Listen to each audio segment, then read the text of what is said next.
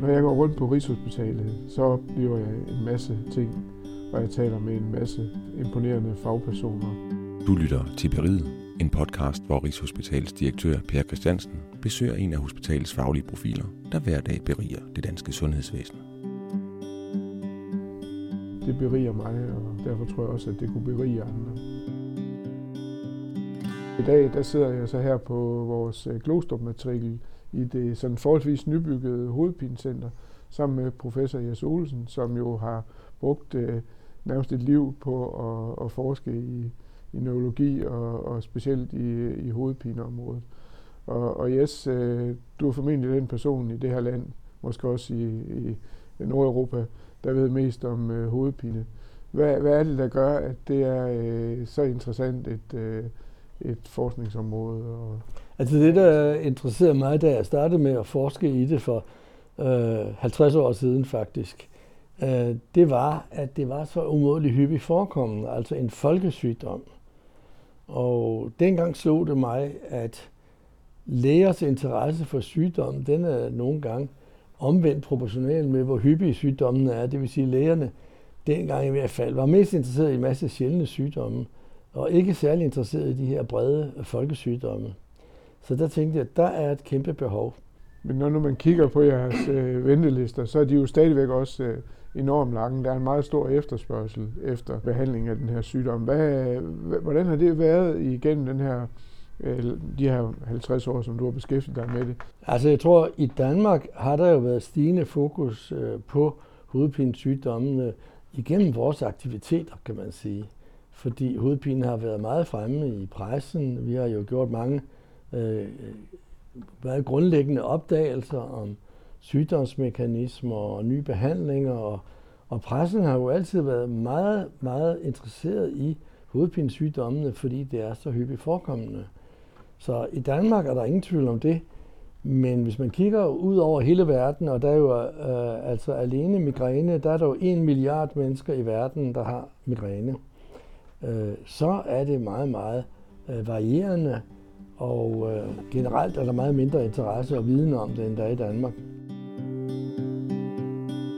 Du lytter til Beriget, en podcast om faglige fyrtårne på Rigshospitalet.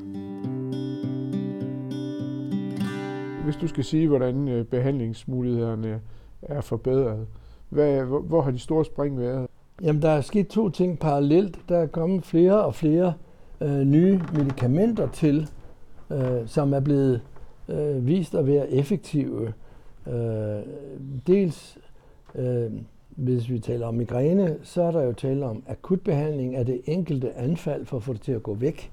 Og så er der forebyggende behandling, så hvis folk har mange hyppige anfald, så skal de have medicin hver dag for at holde antallet af anfald nede. Så der er kommet disse nye medicinske behandlingsmuligheder. Men parallelt med det, så er, er der også sket det, at øh, vi er blevet meget bedre til at bruge det, vi har. Og altså, hvad skal vi sige, selve øh, behandlingsparadigmet, altså selve systemet i, hvordan man behandler, det er blevet udviklet og, og blevet testet af i videnskabelige undersøgelser osv. Så, videre. så i dag, der ved vi, har vi meget mere medicin til rådighed, men vi ved også meget bedre, hvordan vi skal bruge det til hvilke patienter. Når man taler om hovedpine, så er der nogen jo også ofte øh, sådan slået lidt hen og sagt, jamen øh, vi har jo alle sammen sådan lidt øh, ondt i hovedet en, en gang imellem. Hvad, hvad, hvad definerer, hvornår at man, øh, man har brug for jer, og hvornår er det noget, som man sådan må leve med som almindelig borger? Må man aldrig have hovedpine? Jo, det må man godt, fordi vi har jo lavet flere af de store befolkningsundersøgelser, og mere end 95 procent af befolkningen har kendt til hovedpine. Og så er det jo klart, at øh, at øh, det er jo en kæmpe hav af patienter, og de skal selvfølgelig ikke alle, eller, og, og vi har dårligt nok kaldt dem patienter, fordi de fleste af dem har, som du siger, i meget let grad. Så de skal selvfølgelig ikke behandles. Men det har faktisk været et kæmpe problem for hovedpineområdet, fordi mm, hvis man siger, at øh, man vil forske i migræne, så siger så, så, så, så de folk, der ikke kender til det, de siger, Jamen altså, er det ikke andet end hysteriske kvinder og noget værre pjat, og nogen, der vil prøve at snyde sig fra deres arbejde eller et eller andet. Derfor hænger det der ved hele det område her, at det er nogle pyllerhoveder og noget pjat ja. osv. Og så glemmer man jo, at Hvis man kigger på den svære ende af hele hovedpinespektret, så er der jo i 10.000 vis af mennesker her, der er totalt invalideret i Danmark. Ja. Så hvis vi for eksempel kigger bare på folk, der har hovedpine mere end halvdelen af alle dage, øh, det er sådan en definition af kronisk hovedpine. Så mindst 15 dage om måneden har de ondt i hovedet. Så er vi jo oppe på 3% af befolkningen. Det er 150.000 danskere. Og det er jo meget mere end, end, end, end, end, end, end der er af andre sygdomme, end de fleste andre sygdomme. Der taler vi jo som regel om 1% eller en halv procent. Men er det blevet mere legalt at søge behandling for hovedpine? Ja, jeg tror, det er blevet mere legalt. Da, da vi i sin tid lavede en stor befolkningsundersøgelse, dengang hed det Glostrup-undersøgelserne, for 30 år siden, der snakkede vi jo selv med patienterne, og der, der fandt vi så ud af, at, at når de var nødt til at blive hjemme på grund af migræneanfald, så angav de ikke migræne som årsagen. Så, så, så, så sagde de, at de havde feber, eller de havde sygt barn, eller et eller andet den mm. stil. Fordi de vidste, at hvis de sagde, at de var blevet hjemme på grund af migræneanfald, øh, så blev de uleset. En af de opgaver, man har, når man har med den her gruppe af mennesker at gøre, som har øh, hovedpine, det er jo, at, øh, at, at de tager enormt meget øh, smertestillende medicin. Ja. Øh, og, og dermed så, så får de måske nogle andre problemer i, i livet. Øh, hvordan øh, håndterer I øh, øh, sådan nogle nyhenviste patienter, som har et meget stort forbrug af, af smertestillende?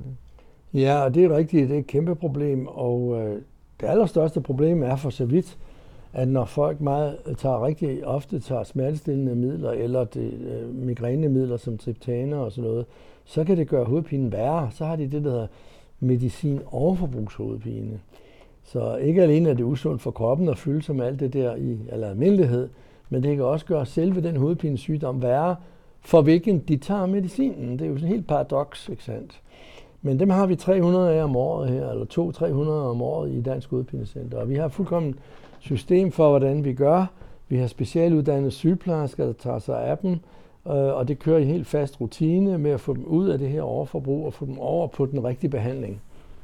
Det er faktisk, øh, går faktisk utrolig godt, for de mennesker, de, de er ikke misbrugere. Det vil sige, de er ikke nogen, der, der hungrer efter medicin øh, på grund af, at kroppen altså skriger som narkoman på at få noget mere. Det er folk, der er kommet ind i det, fordi de har en svær hovedpinesygdom. Og så prøver de at klare dagen og vejen, de klarer øh, deres arbejde, deres børn, deres hjemmeliv osv., og ved at tage mere og mere medicin. Så de sidder i saksen på den måde, men de er altså ikke så svære heller at få ud af saksen. Når nu jeg gerne vil, øh, vil snakke med dig, så er det jo øh, ikke kun fordi, at det er en meget vigtig og, og meget stor patientgruppe, I behandler, men så er det også fordi, øh, at, øh, at du har været med til at, at forske i nogle øh, ting, som måske har været med til at, eller som har været med til at bringe nogle øh, lægemidler på, på banen, som har været til meget stor gavn for den her patientgruppe. Kan du ikke fortælle om, om den forskning, og hvor, hvor langt I er, I er kommet, og hvad er perspektiverne også i forhold til, til fremtiden? Jeg, jo, øh, jeg udviklede for rigtig mange år siden øh, en model, hvor vi, vi beder patienterne om at deltage i forskningen, og så kan vi give dem forskellige naturligt forekommende stoffer, såkaldte signalstoffer. Og så kan vi se, om det kan udløse hovedpine og migræne. Og det har jo i virkeligheden været, altså, det har været den mest fremgangsrige øh, hovedpineforskning, der har været noget sted i verden, hvor vi i første omgang viste, at et signalstof, der hedder nitrogenoxid, øh, at det, øh, og det er det, man blandt andet får fra hjertemedicinen, nitroglycerin, at det er meget alvorligt øh, kraftigt in, øh, involveret i migræneanfald. Og det næste, vi så fandt ud af, det var, at øh, et andet signalstof, CGRP, øh, kan også udløse et migræneanfald. Og det var afgørende for, at medicinalindustrien udviklede stoffer, der blokerer det her stof, CGRP. Og de, de er nu på markedet i form af antistoffer, der binder den her molekyle, og de er effektive i forebyggelse af af migræne og øh, har ikke nær så mange bivirkninger som de stoffer, vi har haft tidligere. Og det er min, min kollega Mesut Ashina, som også er professor i hovedpine her på Hovedpinecentret, han arbejder videre med den her model i meget stor skala, og han har blandt andet vist et andet signalstof, der hedder PACAP, også er involveret i det, og han har vist, at en særlig en ionkanal, det er sådan uh, små huller i cellerne, hvor saltene bevæger sig frem og tilbage, at uh, en bestemt af, af disse huller, en bestemt ionkanal der, er meget vigtig for migræne. Og uh, der er gang i medicinudvikling, der bliver uh, der baserer sig på de resultater, vi har haft der.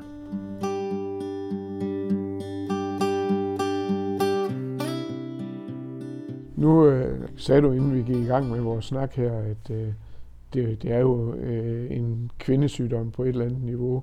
Øh, er det, øh, det, det er påvist, at der er flere kvinder, der har migræne end, end mænd? Ja, der er to til tre, lidt forskellige fra undersøgelse til undersøgelse, så er to eller tre kvinder for hver mand. Men der er jo også det, at kvinderne generelt har hyppigere anfald og mere øh, svære smerter. Men det er ikke særlig godt dokumenteret. Det er min kliniske erfaring.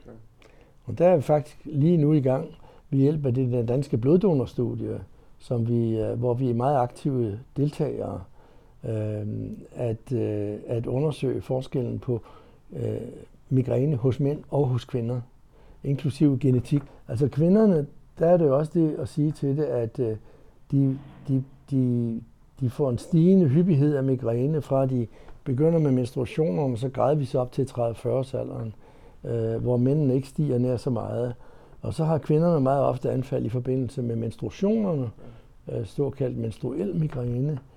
Og så ser vi også, det meget interessant, at under graviditet, de sidste to tredjedel af graviditeten, der bliver migrænen meget bedre, hvis ikke den helt forsvinder. Og øh, så der er en hel masse, der skal forskes i det Ja. Og det er også noget, vi sådan set er i gang med. Fordi der ligger måske en øh, nøgle til bedre forståelse af migræne. Hvis vi kan sige, hvorfor gravide kvinder får det så meget bedre, så er det måske noget, vi kan efterligne i vores behandling.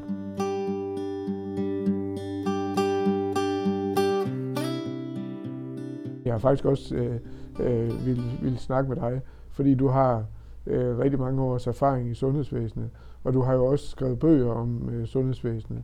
Og, og, og så bliver man selvfølgelig interesseret, fordi øh, nogle af dine øh, øh, udsagn er jo, at øh, det ikke er blevet nemmere med øh, alle de øh, døffer og administrative medarbejdere, der er blevet ansat i sundhedsvæsenet, og den meget større politiske indflydelse på, hvad man øh, beskæftiger sig med i sundhedsvæsenet.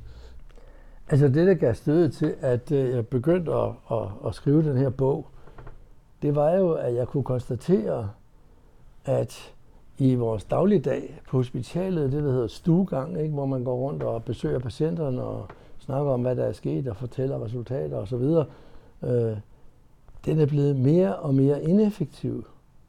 Fordi for 20-30 år siden, der kunne jeg jo gå stuegang på 20 patienter på en formiddag uden problemer. Nu om dage, så er de heldige, hvis de kan gå på 5.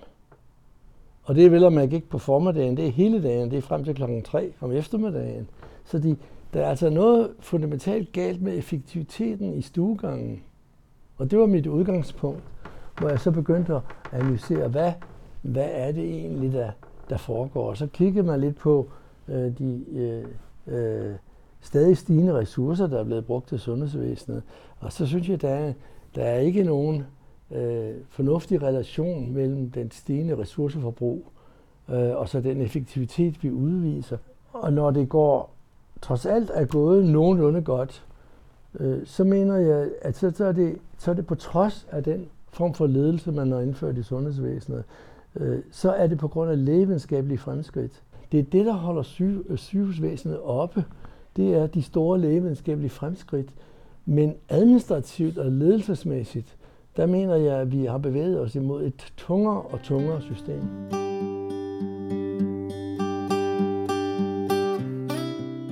Jeg er sådan set enig med dig i, det kan, det, det kan jeg jo ikke to meninger om, at det selvfølgelig er det lægevidenskabens udvikling, der, der bringer os videre i, hvad vi, hvad vi kan og, og hvilke tilstande vi kan behandle. Men, men jeg, jeg har jo så omvendt det synspunkt, at, øh, at det, der har nødvendiggjort et, øh, et højere administrativt øh, antal medarbejdere i sundhedsvæsenet, netop er specialiseringen. Fordi at i og med, at man har specialiseringen, så er der en række processer, der skal koordineres, som ikke var der, dengang du kunne gå stuegang på 20 patienter. Et af problemerne er selvfølgelig politiske krav til dokumentation og så videre. At man vedtager, at alle patienter skal udspørges om ditten og datten. Hvis de, hvis de har slået den ene lillefinger, så skal de udspørges om deres tobaksforbrug og deres alkohol og alt det der. Det er den slags øh, politiske beslutninger, som ikke er særlig kloge og som øh, medvirker til at gøre det hele tungt. Men så kan man jo også se sådan på det, at, øh, og, men det skal vi jo ikke sige for meget om, men indførelsen af IT med den her sundhedsplatform, det har jo været en komplet katastrofe, fordi det skal jo gøre livet lettere og mere effektivt. Og det er jo helt klart dokumenteret, at øh, det har gjort det modsatte. Så, så der har også været et problem der. Men, men uden, uden at tale så meget om decideret om den konkrete sundhedsplatform, ja. EPIC-systemet, så er der vel øh, under alle omstændigheder behov for, at man har et øh, elektronisk øh, journalsystem, som også er baseret på andet, end at man bruger det som et tekstbehandlingssystem, ja, ja. sådan at du netop også kan få viden omkring, hvordan gravides øh, forekomst af hovedpine er, for, ved at kigge nogle journaler igennem øh, øh, tilbage i tiden, og kan søge øh, på tværs igennem journaler. Det er jo sådan set det, der er formålet med, med de journalsystemer, man, man har elektronisk. Så kan der være nogle ulemmer ved det ene og det andet system, men, men dybest set har vi jo brug for og, i vores øh, digitaliserede virkelighed og også at have digitaliserede øh, journaler. Jo, men helt klart, det har vi selvfølgelig brug for. Men, øh, men, øh, man, man kan, men der er forskellige systemer, der er nogle er smartere end andre. Ja. Og øh, netop platformen har jo for eksempel været en katastrofe for forskningen, fordi den har ikke tilladt at søge patienterne, øh, sådan som vi gerne vil kunne søge dem. Men det er måske muligvis ved at komme i orden nu, men, øh, men det har det ikke været tidligere.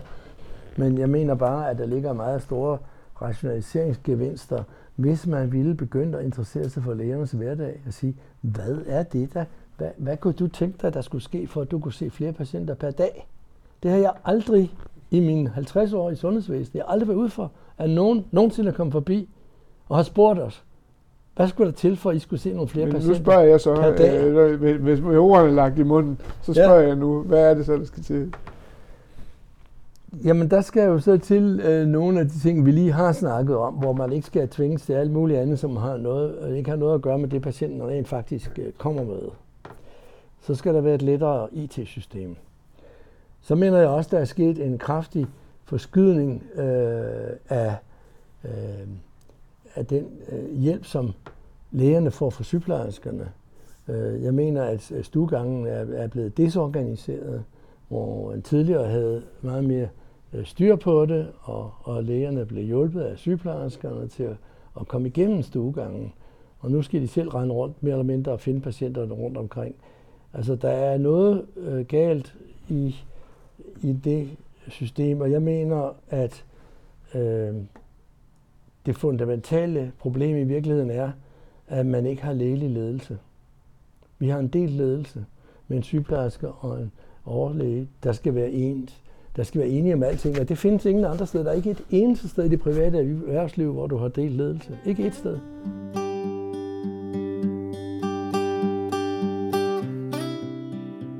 Omvendt må man jo så sige, at øh, en meget, meget, meget stor del af den personalegruppe, der skal ledes, er jo sygeplejersker, fordi sygeplejerskerne udgør en større del af vores personale end lægerne i, i langt de fleste afdelinger.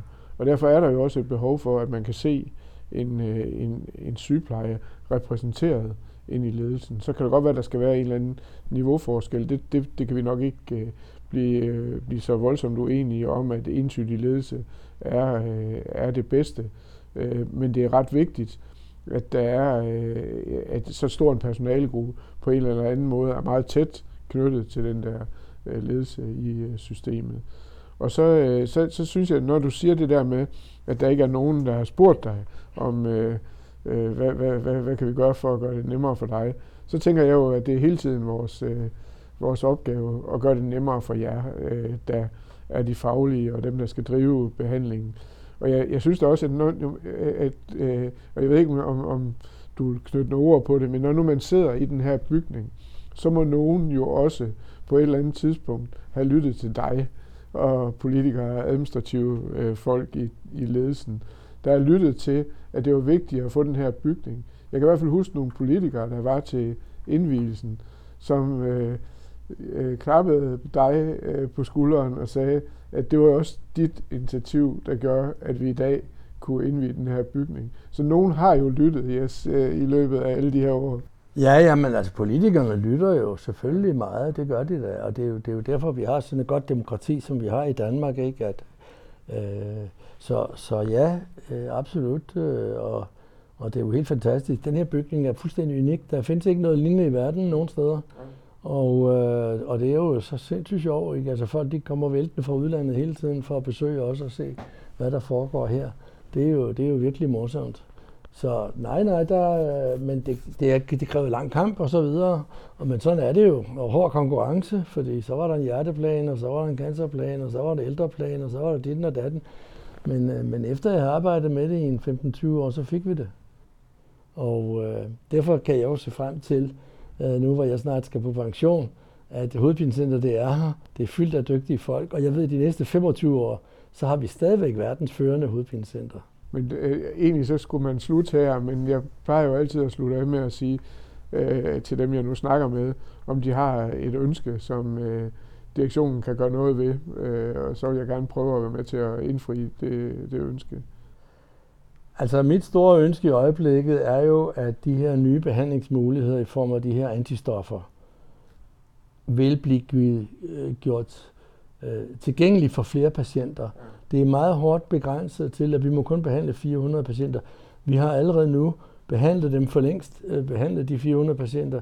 Vi har ikke mandskab til at behandle flere, men vi har heller ikke penge til det, fordi det koster 40.000 om året at behandle en patient.